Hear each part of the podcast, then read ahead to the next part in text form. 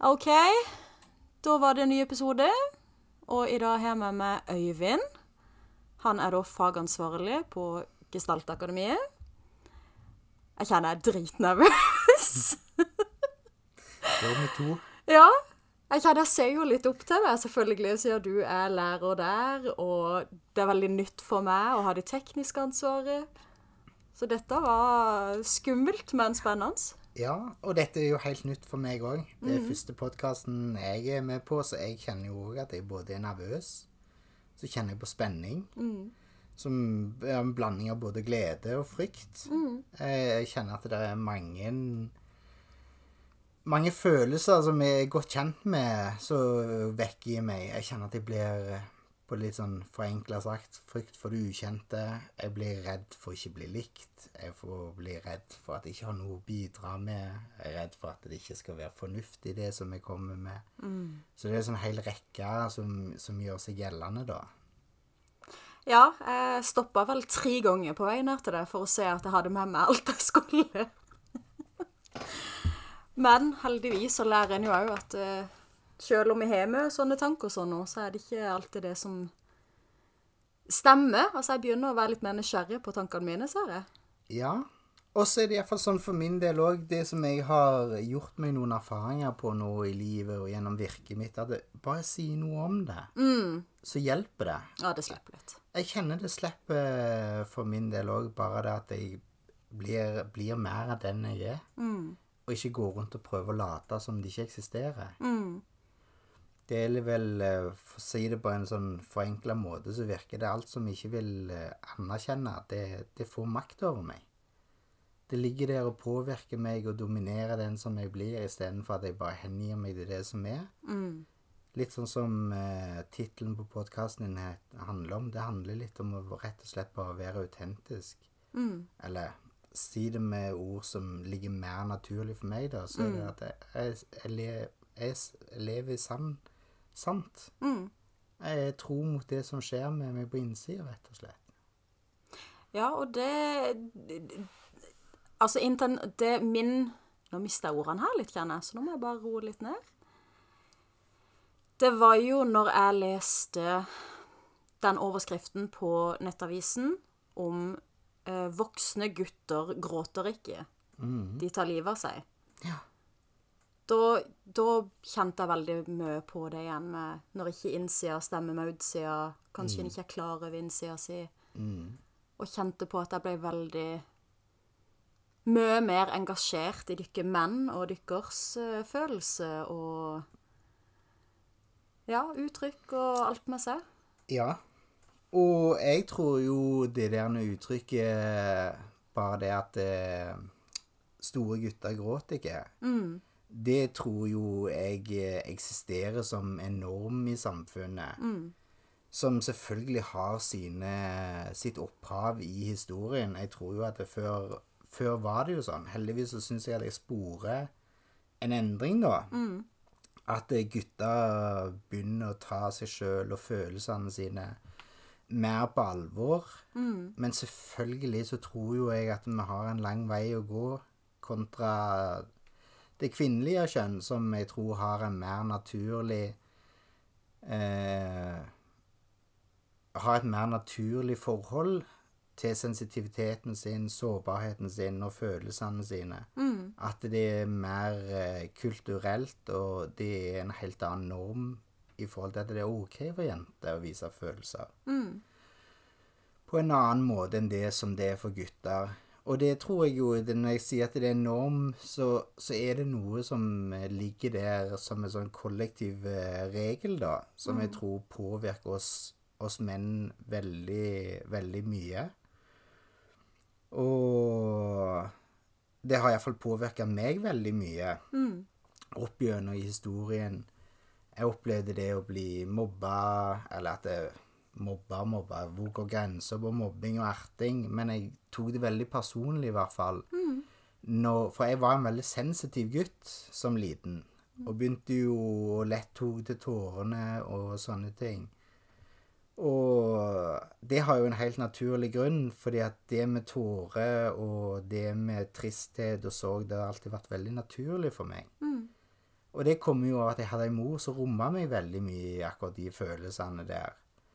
Men jeg husker at det ble veldig dårlig mottatt av venner eh, av meg og sånne ting. At de begynte å le og erte, trekke, så er jo hvor går grensa, som jeg var inne på, på mobbing. Men jeg husker jeg tok det veldig ille opp. Jeg følte at jeg gjorde noe veldig galt. Så det var jo da jeg begynte å skamme meg på den sida der. Men eh, det som jeg har sett, eller gjennom den eh, jobben jeg har gjort med meg sjøl, gjennom utdanningen, gjennom den terapien jeg har gått gjennom og sånne ting Er det da gestaltterapi du tenker? Yes. Det er jo til gestalt som har eh, vært eh, min vei. Det er jo der jeg føler at jeg har fått livet mitt tilbake, da. Det er der jeg føler at jeg har blitt et helt menneske. Gjennom at jeg har gjennomro- gjenerobra følelsene mine og sånne ting. At jeg er mer, et mer dynamisk me- menneske enn jeg var før. Før levde jeg mye mer opp i hodet, prøvde å tenke meg til hva som var en riktig å gjøre i enhver situasjon. Nå er jeg mye mer fintfølende på situasjonen, så gir meg mye større spillerom. Og jeg tror jo følelsene er utrolig viktig informasjon til oss i forhold til hva utspiller seg i den situasjonen som er. Så hvis en ikke har tilgang til det, så går en glipp av veldig mye adekvat informasjon som man trenger for å navigere på en god måte gjennom livet og de ulike situasjonene som en er i. Dette er jo litt vanskelig spørsmål, men er litt sånn Jeg kan synes det er vanskelig av og til å skal forklare for folk åssen det var jeg tidligere levde mye mer oppi hodet, og åssen jeg nå klarer å være litt mer i kontakt med følelsene. Jeg vet ikke du, om du klarer på noe som helst vis å beskrive deg sjøl litt sånn, skal en si, før og etter, om du vil. Jo, jeg, jeg husker det Iallfall at en veldig sånn markant skille mellom eh, meg eh, før eh, jeg gjennomførte gestaltutdanningen og den gestaltterapien jeg har gått igjennom. Så, så var det veldig Så var jeg veldig redd for det som de kaller for å bli trigga. At det var ting som ble aktivert i meg. Fordi at da husker jeg at det begynte en sånn febrilsk kamp med å få kontroll over meg sjøl, kontroll over følelsene mine og kontroll over reaksjonene mine.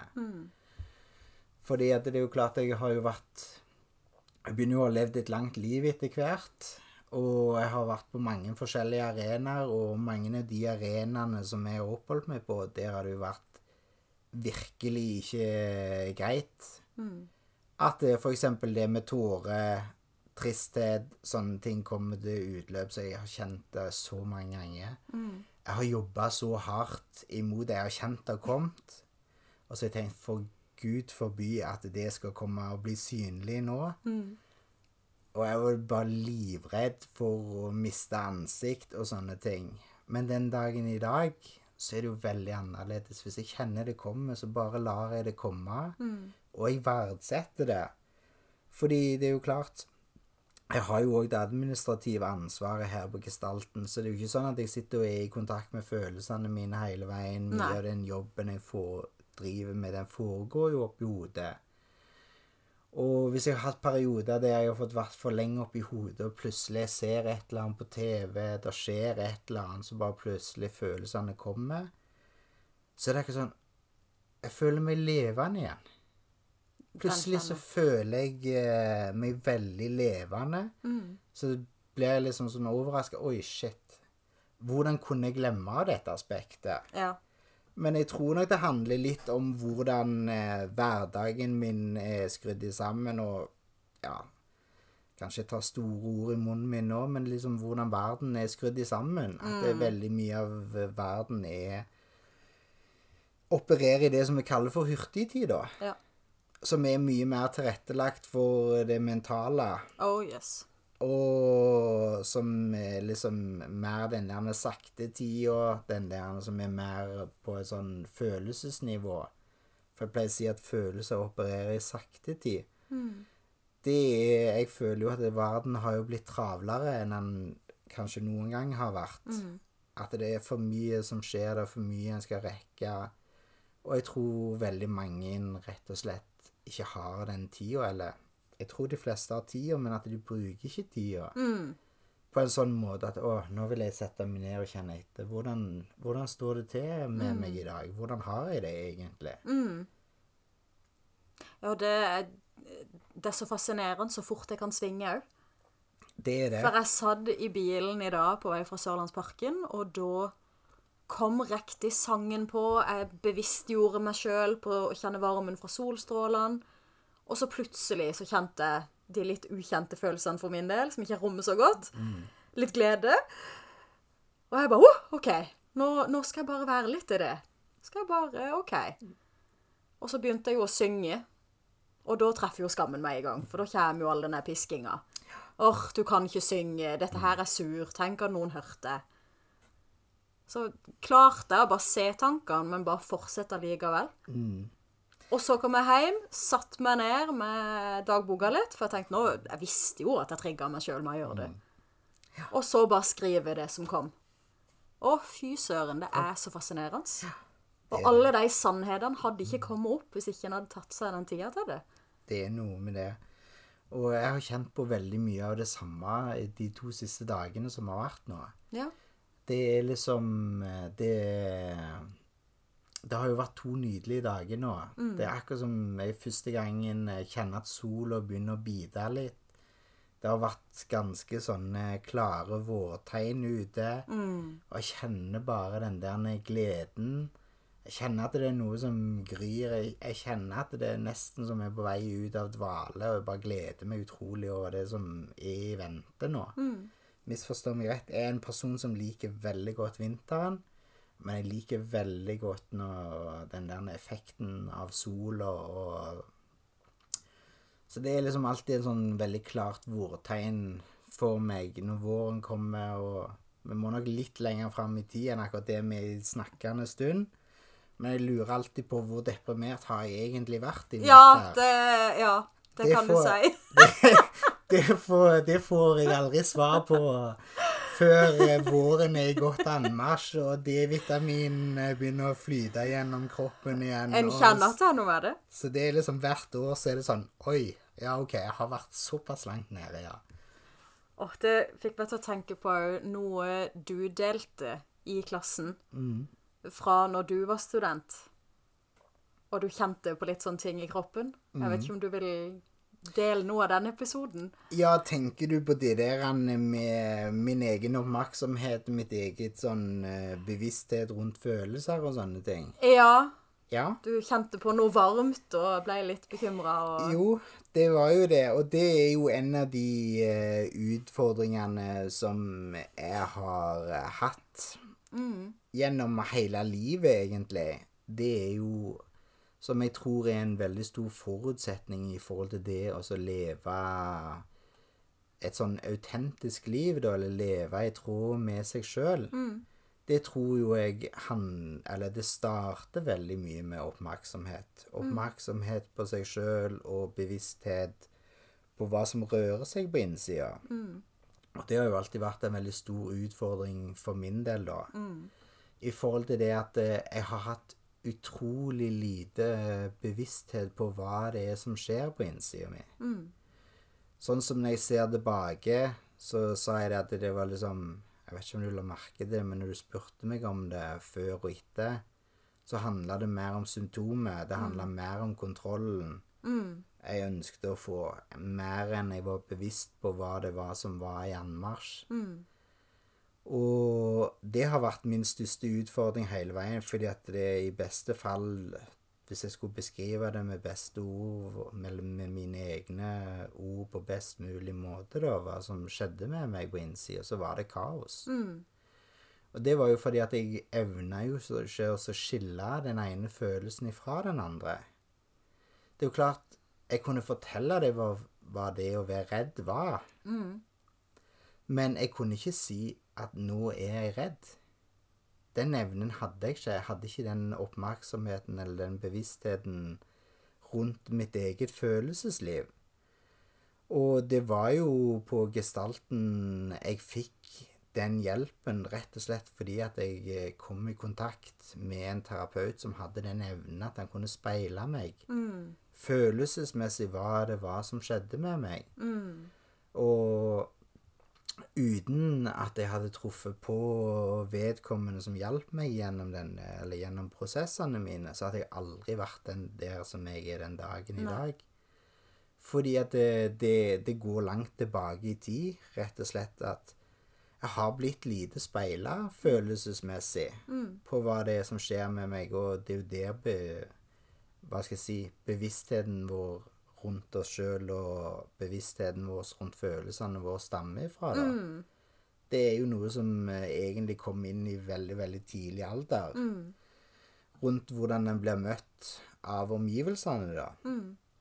Så det var jo en stor utfordring når jeg kom på skolen. Og da var det jo sånn at jeg klarte jo ikke å skille den ene følelsen ifra den andre. Og den der episoden som eh, du henviser til, det var jo egentlig en ganske komisk episode. Det som jeg fikk eh, ble spurt ifra læreren som hadde på det tidspunktet, hva, hva, hva- er det som skjer med deg, Øyvind? Hva kjenner du i kroppen? Og min beste svar, det var øh, Jeg ble helt satt ut øh, av bare spørsmålet. Og det beste jeg kunne si, nei, jeg kjenner bare at jeg blir varm. Ja, og hva slags følelse er du i kontakt med, da? Nei, det skam, var jo mitt beste forslag. Og etter langt om lenge Dette han eh, gikk jo gnomer på hele dagen, fordi hun gadd jo ikke gi meg noen svar. Hun sa nei, du får bare sitte der og kose deg i varmen din, du, da. og det var jo ikke vant med det, og jeg gikk jo gnoma og gnoma og vridde Prøvde å vri hodet mitt på hva i all verden var det som skjedde nå. For på det tidspunktet hadde jeg en dårlig evne til å kjenne etter hva som skjedde på, på innsida mi. Så det var veldig lite klassisk meg, rett og slett. At det jeg gjorde dagen etterpå, det var at jeg tok og rakk opp hånda, og så spurte jeg du, hva var det egentlig som skjedde i går? Så sier hun nei, bare kjenn etter, hva er det som skjer med deg? Hva kjenner du i kroppen? Og mitt beste svar det var ganske likt som i går. Det var bare øh, Nei, jeg vet ikke. Jeg kjenner bare jeg blir varm. Sånn. Så sier den læreren som jeg hadde Jeg tenker det, Øven, at du er glad. Og det er liksom Det er veldig illustrativt hvor dårlig stilt det var for min del på det tidspunktet at jeg rett og slett ikke klarte å skille følelsen skam ifra følelsen glede. Og det er jo klart Når du har en så dårlig bevissthet rundt deg sjøl, så er det jaggu ikke lett å vie følelsene den oppmerksomheten som jeg tenker at de fortjener, da. Veldig enig. Og jeg kan, jeg kan, re- jeg kan kjenne meg veldig igjen i det. For jeg husker Altså, jeg har jo vært en person som alle tenker at alltid er veldig, veldig glad. Smiler mye og høy energi og Men det er jo bare den delen andre folk har fått se. Ja. Og det har jo bare vært ei sånn ofte påklistra masken til på. Og så glemmer jeg det aldri den ene gangen hos uh, min gestaltterapeut før skolen. Da var det òg at det kom en sånn, akkurat som en varm, liten vind på innsida. Og, og jeg ble redd. Og jeg bare 'Hva er dette for noe, da? Dette skjønner ikke jeg.' Og da var det jo òg glede. Ja, og jeg kjenner, jeg kjenner meg veldig igjen i det, fordi jeg òg var en veldig smilende og tilsynelatende positiv Ja. eh, person når jeg kom inn på skolen og sånne ting. For det var en del av denne måten jeg Det var en del av de strategiene jeg hadde. Det var liksom den der blide fasaden og sånne ting. Men det var jo egentlig bare en måte å skjule meg sjøl på, da. Fordi at jeg trodde det var det omverdenen ville at jeg skulle være. Det var det jeg trodde omverdenen forventa meg. Det var på denne måten jeg trodde omverdenen var, ville at jeg skulle være på. Og det er jo liksom en sånn eh, grunnleggende ting jeg har slitt veldig mye med. Det er liksom at jeg har vært veldig redd for å være til bry. Det var liksom eh, Jeg kunne være ute, være blant folk når jeg hadde det godt, når jeg var Skal ikke si jeg var glad, fordi det hadde jeg jo, som jeg allerede har røpt, det hadde jeg jo veldig dårlig innsikt i. Men tilsynelatende livet gikk greit, så kunne jeg være ute. Men med en gang livet begynte å butte imot, så trakk jeg meg i, ikke bare inn i meg sjøl, men tilbake fra verden, og egentlig var veldig motvillig til å komme ut før ting på noe sett og vis hadde balansert seg, da. Og jeg husker jo altså den dagen der da hun liksom gjorde meg bevisst på den gleden. Jeg dansa av gårde, satt meg ved bystranda, og når jeg kom hjem den dagen, så var ikke jeg noe sånn høy i energien eller veldig smilende, men jeg bare Jeg satte meg rolig ned i sofaen, og hun jeg bodde med, hun bare Herregud, hva er det som skjer med deg?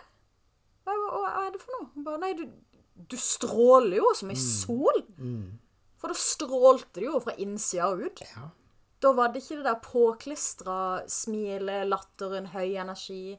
Ja. Så det å liksom se at glede trenger ikke å være der. Det kan bare være det, Den ble ny for meg. Ja. Og det hørtes jo veldig behagelig ut. For meg var nok dessverre min vei litt mer turbulent. Ja. Fordi at det, det, det ble jeg jo ikke bevisst på med en gang. Selv om at jeg ble gjort oppmerksom på det med gleden der og da, så var det noe med det at det, det var utrolig vanskelig for meg å ta den gleden innover meg. Og det, var, det ble jo ikke synlig før etter en stund, men det handla jo om at jeg trodde ikke jeg fortjente å være glad. Så det ble jo en hel prosess, bare det å så ta gleden inn. Fordi at da begynte jo en del av de den strategiene jeg hadde med meg, og husker det veldig godt, det var jo rett og slett at da kobla jeg jo av kroppen når jeg var glad. Fordi at jeg klarte ikke å forholde meg til det, så jeg måtte sånn sakte, men sikkert venne meg til over tid til denne nye følelsen, da. Og det går jo egentlig Det er jo det er litt sånn ironisk å tenke på, i og med at den der blide fasaden var jo en del av det som jeg møtte verden med, men allikevel så dypt på innsida der så lå det jo en en bestemmelse på at jeg eh, Eller en overbevisning om at jeg ikke hadde lov å, eller fortjent å være glad. Og det, det er der jeg ønsker at flere òg skal kunne forstå at selv om en mentalt tenker at selvfølgelig fortjener kjærlighet, fortjener å ha det godt, fortjener å være glad, så betyr det ikke at det stemmer overens med følelsene våre. Ja. Og det ser jo jeg eh, spesielt nå er det jo nærmer det seg vel ti år jeg har jobba som terapeut.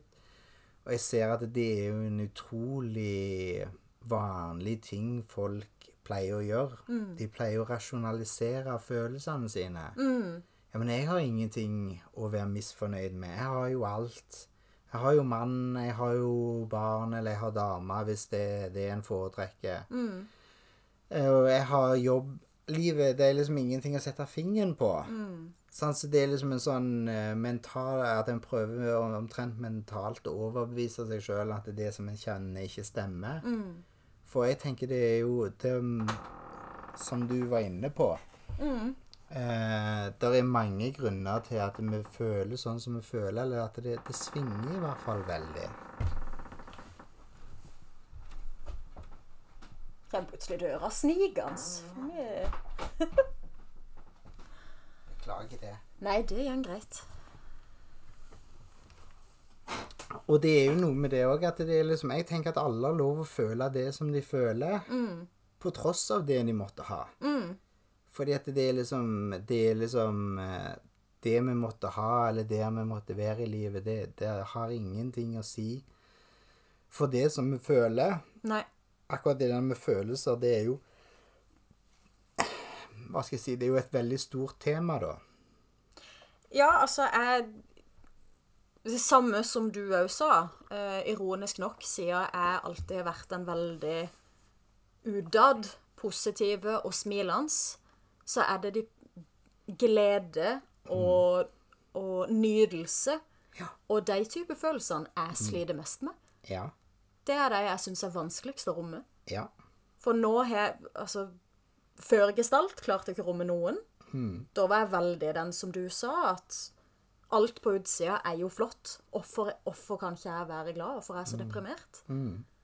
Så har en jo litt økt forståelse for det nå, da, etter eh, litt tid i gestalten. Ja. Og det er jo veldig interessant det som du er inne på der i forhold til det med å være deprimert. Mm. Fordi at jeg tror det er vanskelig å ikke være deprimert hvis at eh, en ikke har kontakt eller har et bevisst forhold til følelsene sine. Mm. Fordi at jeg tenker følelsene i seg sjøl er utrolig viktig. Men enda viktigere tenker jeg at følelsene Et viktigere aspekt enn følelsene i seg sjøl, det er jo det der eh, det, eh, det nivået under følelse, når vi kommer på behovsnivå. Og jeg tenker jo det at følelsene er et utrolig viktig signalsystem. På mange måter. Både fra oss til omverdenen, men òg oss, eh, fra oss til oss sjøl. At følelsene har en veldig stor betydning i forhold til det å, å vise oss hva, behov, hva behovet vårt er. Og det er jo klart at hvis at en ikke vet hva en har behov av, og en ikke klarer å dekke behovene, så over tid så blir en deprimert. Det går jo rett og slett på de der en, eh, På det der belønningssystemet vårt i hjernen, og de der en, eh, gledeshormonene, og rett og slett at de synapsene fy- fyrer av sånn som de skal. Ja, for det, det med behov syns jo jeg er veldig spennende og viktig. For det husker jeg vi hadde litt om foreløpig, at at vi alle, bevisst eller ubevisst Nå må du bare rette meg hvis jeg sier noe feil. eh, prøver å dekke behovene våre, men at de fleste av oss Eller ikke de Mange av oss kjenner kanskje ikke de helt underliggende behovene. At Nei. vi for eksempel Vi kjenner bare på et ubehag eller et sånn veldig plutselig behov for røyk, alkohol, sukker. Ja. Ikke sant? At vi, vi tar et sånn veldig ovenifra istedenfor å ned og kjenne i kroppen. Yes. Hva er følelsen? Yes. Kanskje jeg egentlig trengte hvile. Kanskje jeg egentlig trengte en klem. Ja. Omsorg. Altså Ja. Og det som er at det, det som du henviser til da, det er jo det vi kaller i gestalten for behovsrangering. Det at det mennesket eller kroppen eller organismen vår, den organiserer seg alltid etter å dekke det mest prekære behovet. Så er det jo klart at noen behov er menneskelige. Noen er en del av den vi er, og som er veldig linka opp til gleden og lykken vår. Så vidt meg bekjent, så vet jeg bare om en måte å bli lykkelig på, da. Og det handler jo rett og slett om at du må kunne kjenne hva behovet ditt er. Og så må du vite hvordan du skal organisere deg for å dekke det. Så enkelt, men allikevel så veldig vanskelig. For da er jo da, Det jeg ofte opplever med mannfolk, eh, det er at eh, enten så har en ikke noe problemer i liksom noe Deres tanke, da. Eller at de skal klare det sjøl. Ja. Og tenker du om de som skal klare det sjøl? Ja, og så bare la, hvis jeg får fullføre den tanken som jeg var inne Ja. på i stad, og det misforstår meg rett, det var ikke sånn at du brøt meg av, men du fullførte bare det som jeg tenkte. Det var at det, Fordi at noen behov er veldig reelle. Men så det Så ser vi jo på organiseringa til enkeltpersoner eller noen mennesker. Det at det er behovet for å unngå Ja. sant? Så kan en argumentere det, er det et reelt behov. Ja, ut ifra det som jeg sa, at mennesket organiserer seg alltid etter å dekke det mest prekære behovet, så vil jeg si at det er det mest prekære behovet for vedkommende. Det var spennende. Men at jeg vil skille mellom det som jeg vil si er grunnleggende behov, og så i mangel på et bedre ord, så har jeg lyst til å kalle det for frustrerte behov. Det er behov som en har eh, tilegna seg som et ledd i eh, en eh, mindre gunstig organisering, da. Sånn som hvis jeg skal ta et litt lettfattelig eksempel, så for å illustrere litt det som jeg sa med følelsen, som eh, nødvendigvis ikke er den viktigste indikatoren med følelsen i seg sjøl, men at det er behovet det symboliserer. Så et veldig lett, et, eh, lettfattelig eksempel på det er jo det der som vi kaller for en sultfølelse. Skjønner du hva jeg mener? Sant? Det, er ikke, det, er ikke, det er ikke sultfølelsen i seg sjøl som er av verdi. Men det behovet det signaliserer. At OK, nå trenger kroppen næring. Nå trenger det påfyll. Som er egentlig en eh, Som er et veldig grunnleggende behov, som er en viktig del av vår eksistens. Rett og slett uten mat over lang nok tid, så eksisterer vi ikke lenger. Men så betyr ikke det at uh, mat ikke kan misbrukes. Hvis du skjønner hva jeg Ja, mener. Fordi ja. at mat gir noe Har en effekt på belønningssystemet vårt i hjernen. Og det er mange som har funnet ut det at å ja, OK, jeg skal bare kose meg litt. Jeg skal bare unne meg litt uh, sjokolade. Så selv om at den der uh, lykkefølelsen eller de der gledeshormonene er subtil, og iallfall i min verden raskt forbigående, så er det noe med det at det er med å påvirke. Og det er liksom når en misbruker Eller misbruker, men en bruker mat rett og slett for å bli gladere eller få en økt velvære eller lykkefølelse, så går det mer over til det som jeg kaller for frustrerte behov. Da handler det ikke mer om, lenger om de der grunnleggende behovene. Og det er, jo, det er jo noe som er kjent for meg òg, hvordan jeg har misbrukt mat i forhold til organiseringa mi for å døyve følelser og sånne ting. Og hele livet har jo egentlig vært det som jeg kaller for en sånn emosjonell eh, spiser. At jeg spiser på følelser, da. Jeg gjorde det senest mandag. Ja. ja. Det er Det er ikke lett. Og jeg skal, ikke, jeg skal ikke heve meg over det og si at jeg eh, ikke gjør det fremdeles den dagen i dag, jeg òg. Og det er jo en del av det som eh, Det er jo en av de tingene som er vanskeligst hvis en har ubalanse i det med mat. At en bruker det i en eller annen form for regulering. Da tenker jeg jo enten det at en er en emosjonell overspiser, overspiser, eller det er bulimi eller anoreksi, så er jo det en form for regulering. Jeg tror forskjellen for min del nå er at nå gjør jeg det bevisst. Ja. For nå var jeg, skulle et døgn på jobb. Jeg var der. Jeg visste når jeg gikk i frysen Dette gjør jeg for å dytte ned at jeg egentlig ikke vil være her. ja. Og det er jo ikke noe utelukkende negativt eller galt på det. Nei, og da, Men dagen etterpå så fikk jeg litt tid alene på jobb. Ja. Og da var det sånn OK, men da trenger jeg ikke isen. For nå har jeg mulighet til å være litt i kroppen Yes. og bare sitte litt med det. Yes. Men dagen før så var jo jeg da et Ja. døgn på jobb, og da så ikke jeg den muligheten. Så da var det fuck it. Ja. Og Jeg skåler med is, blir det. Ja, og det er jo, det er jo en del av eh, prosess, endringsprosessen, da. Som du sier, det er bevisstgjøringa.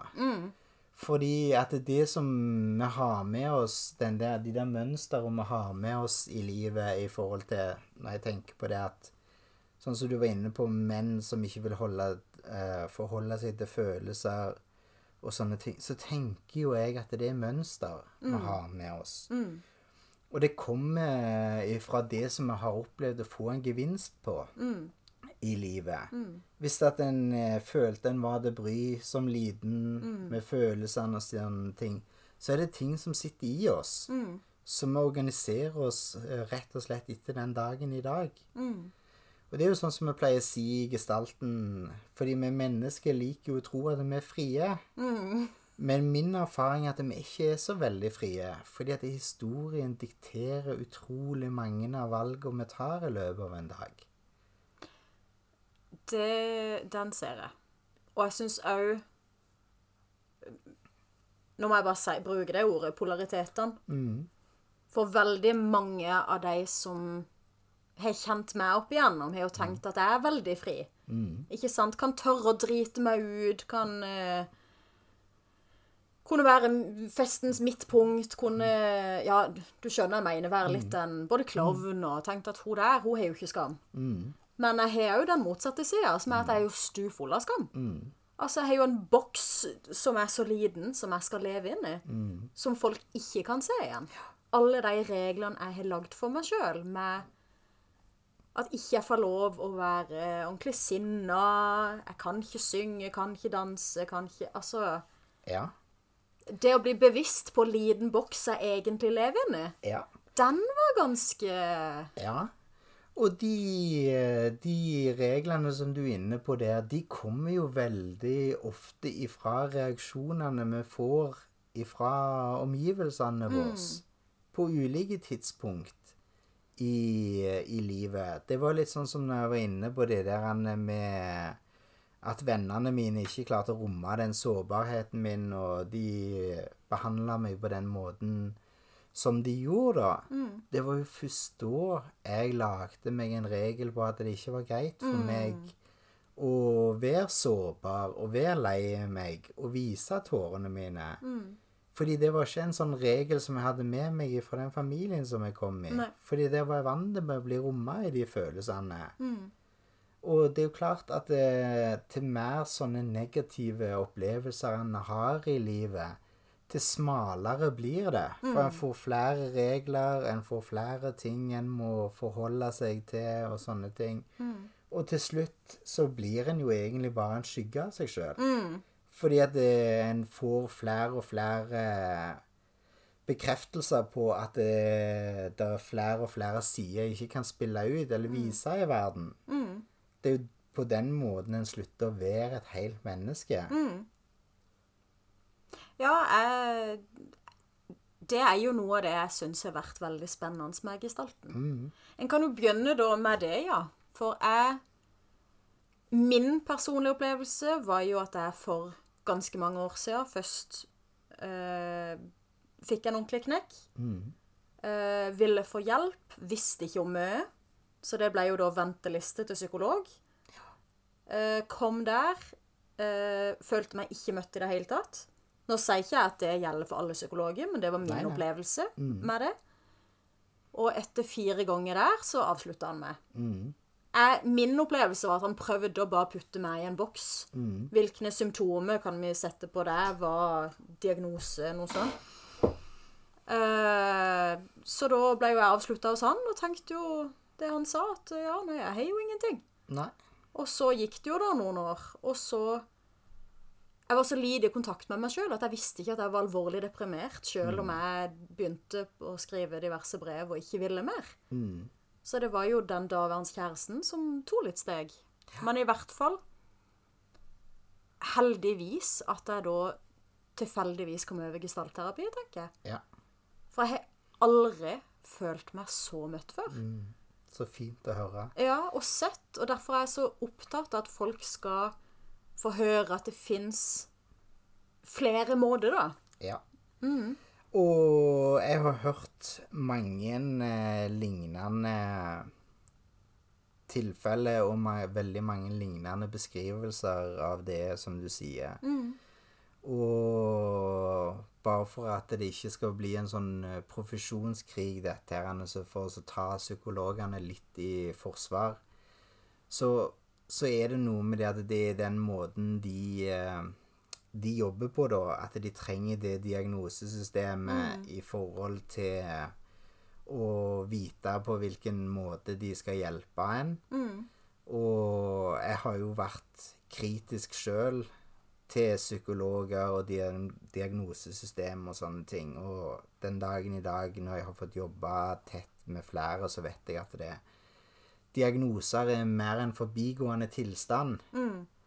Men jeg tror nok òg at den der skjematikken og det der hele inngangsforløpet til behandlingen og sånne ting, at det virker veldig upersonlig.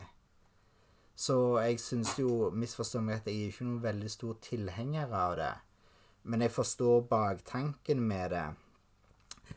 Og så er det viktig for meg å skille litt mellom sykdom og det med livskvalitet. Fordi det du ofte får hjelp hos en psykolog for å få bistand og få behandling hos en psykolog, så trenger du den diagnosen. Så per definisjon, når den er oppfylt, så er det jo en eller annen sykdom du har fått. Og jeg tenker jo at en må jo ikke være syk for at livet ikke skal fungere. Og det er jo den tingen jeg føler jeg fikk veldig god hjelp til gjennom gestaltterapien da. Det var jo livskvaliteten min. Gikk jo massivt opp gjennom den eh, Gjennom den eh, terapien og den hjelpen som jeg fikk der. Så, og dessverre så tror jeg det er sånn at jeg er veldig takknemlig for det der helsesystemet som vi har i Norge, og sånn som det fungerer, at det er liksom At alle har krav på hjelp og sånne ting. Men det er det som er viktig å skille mellom få hjelp av at en har en sykdom eller en lidelse, og det med å få livskvalitet. Fordi at det som jeg har sett, eh, iallfall sjøl, hvis at en vil til bunns i utfordringene sine, så er en veldig ofte nødt til å gjøre det på egen hånd. En er nødt til å betale for det av på et eller annet tidspunkt så blir en for frisk til hjelp hos psykolog. Og skal en fortsette da, så må en òg betale det av egen regning. Så jeg tror jo at det er viktig å så få den hjelpen. Og jeg tror nok folk undervurderer gevinsten av det, det å gå i terapi. Veldig. Og det, det ser jeg jo sjøl òg. Før, eh, før jeg nådde bånd i mitt liv og rett og slett måtte søke hjelp, så gikk jeg jo rundt og tenkte at alle som gikk til psykologer, det var svake mennesker. Det var noe galt med det. Ja, jeg tenkte de var var, de var svake, tenkte jeg. Ja. Og jeg skjønte jo ikke det på det tidspunktet hvor, hvor stor hjelp behov jeg hadde for hjelp Nei. på det tidspunktet. Men det som heldigvis så har jo synet mitt endra seg parallelt med at jeg har endra meg. Og jeg tenker jo den dagen i dag at det med terapi, det er jo egenkjærlighet i praksis. Absolutt. Vi er jo ikke redde for å bruke penger på bil, på klær, på spa, på ferieturer og sånne ting, men vi er utrolig restriktive fremdeles i 2023 på å bruke penger på vårt, e- vår egen mentale og følelsesmessige velvære, da. Ja, jeg husker jeg sa det til ei venninne òg, at det er rart med det. For eh, vi kan gjerne ordne oss eh, hestetrener eller personlig trener til hestene. Eller til kroppen. Gå på treningssenter og gjøre det. Men å få en personlig trener til vår mentale og emosjonelle helse, nei, det skal vi ikke ha noe av. Det er liksom eh, skam og det, det blir helt merkelig. Ja, det er, det det er Dessverre så tror jeg at vi har eh, Som nasjon og som kultur så tror jeg rett og slett at vi har eh, litt igjen å gå på der. Veldig, og det er jo det jeg veldig følt med gestalten, at det ikke bare bedrer det forholdet jeg har til meg sjøl. Jeg trodde ikke jeg hadde så galt forhold til meg sjøl. Mm. Jeg trodde jeg var ganske perfekt, for å være helt ærlig. Men uh, når vi fikk vekk et par lag der, så skjønte jeg jo at jeg hadde jo veldig mye skam. Ja. Og trodde, følte egentlig alt var galt med meg. Ja. Men det å både bedre forholdet til meg sjøl, som igjen gjør at jeg kan bedre forholdene til de rundt Ja. Og det er, jo, det er jo et velkjent fenomen, akkurat det du beskriver der. Fordi at eh, med mennesker Så du har jo bare levd ett liv. På samme måte som jeg bare har levd ett liv. Som jeg ikke kan sammenligne med noen andre. Og vi mennesker er jo veldig resiliente. Det betyr jo egentlig bare at vi er veldig tilpasningsdyktige og overlevningsdyktige. Så vi klarer jo å venne oss til de mest absurde tinga. Ja. Rett og slett bare på grunn av at det, det der en, eh, overlevelse, behovet vårt for å overleve, er så grunnleggende og så sterkt i oss. Så bare for å sette det litt på spissen gjennom et litt sånn illustrativt eksempel. Et barn som blir slått. Hvis han kommer hjem til en klassekamerat eller noe sånt, så kan han bli helt overraska at ikke de blir slått der hjemme. Fordi at de venner seg til at det er normalen. Mm. Og det er forskjell på det hva som er normalt, eller hva vi har vent oss til som normalt, eller som vanlig i vårt liv, i forhold til hva som eh, Hva som faktisk er mulig i forhold til det med å leve. Og det er der jeg tror vi ofte det fungerer litt som ei hvilepute. Nei, vet du, jeg har det jo ikke så galt, fordi vi har vent oss til at ja, OK, jeg har det på jevne og dårlig, men vi har aldri fått lov å erfare føle, hvordan det står til med andre sine følelser. Så vi har bare oss, lært oss til å leve med at det, sånn er det bare. Ja, det For meg har det vært veldig det der å, å føle at noen ønsker å prøve å forstå meg. Mm. Den har vært veldig sterk. Ja. Og Og- òg det at de, de gjatt ikke bare meg. Nei.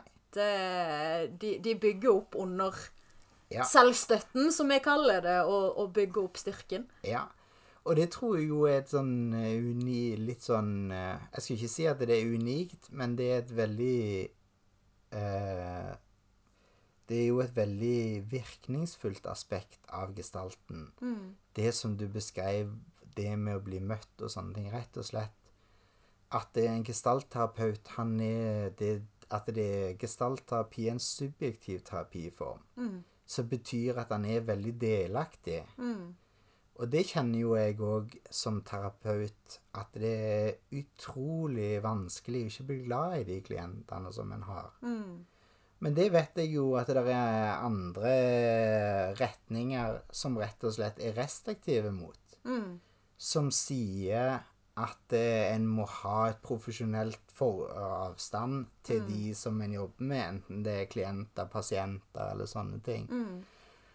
Og det strider veldig mye imot min overbevisning, da.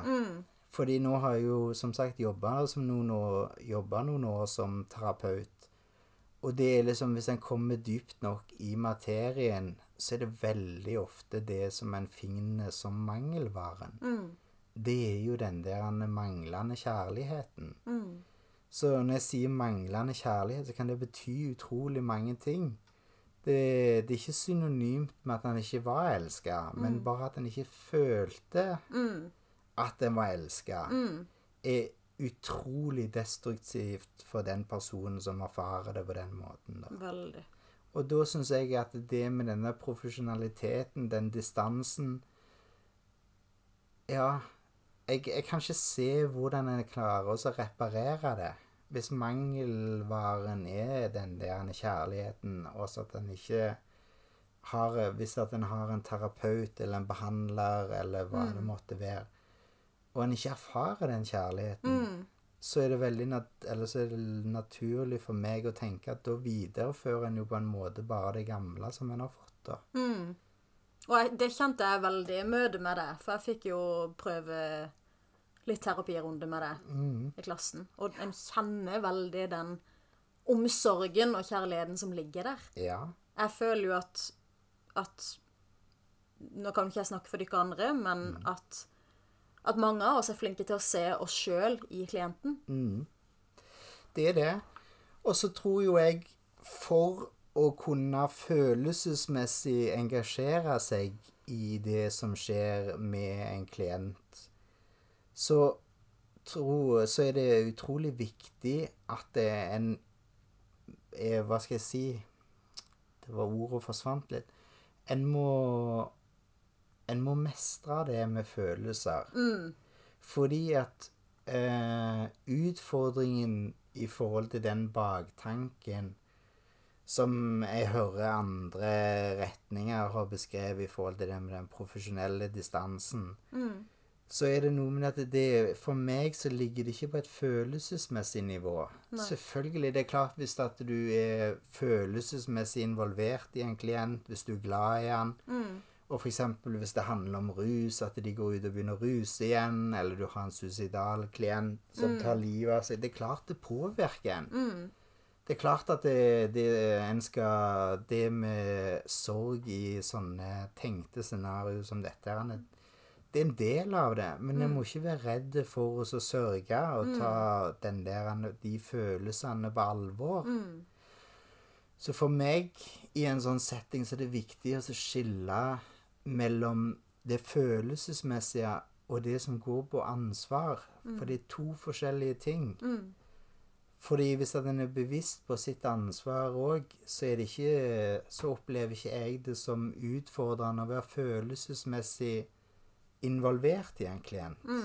Men jeg må være bevisst på hva er mitt ansvar, og hva er ikke mitt ansvar. Sånn at jeg ikke mister nattesøvn over bekymringer rundt en klient.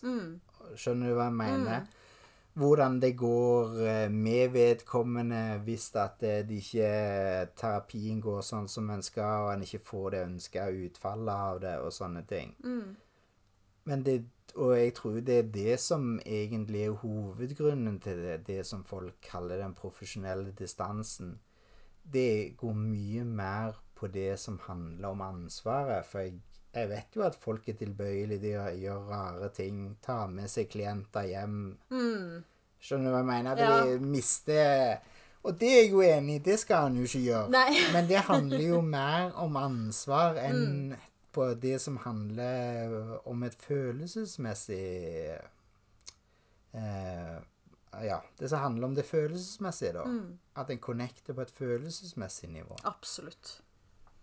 Det, jeg tenker vi må nok begynne å runde litt av, men jeg likte òg eh, noe du delte før vi fikk begynt, i form av eh, At som terapeut så vil, ønsker en jo selvfølgelig alltid det beste for klientene, men at de må òg ville Ja.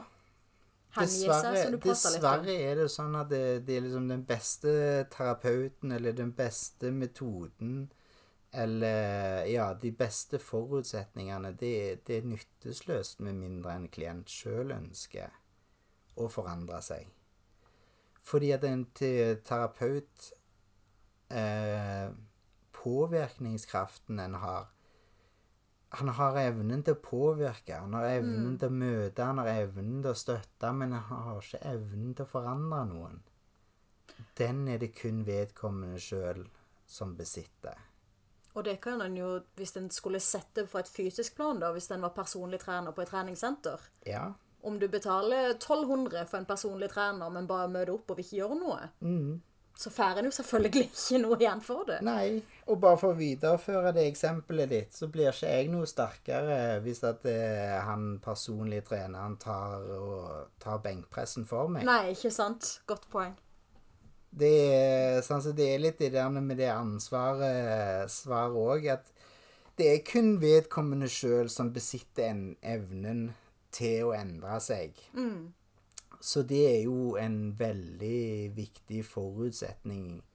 Det er jo at en ønsker det. Og selvfølgelig, det betyr jo ikke at det ikke er smertefullt. Det betyr jo ikke at det er mange hinder en må overkomme på veien.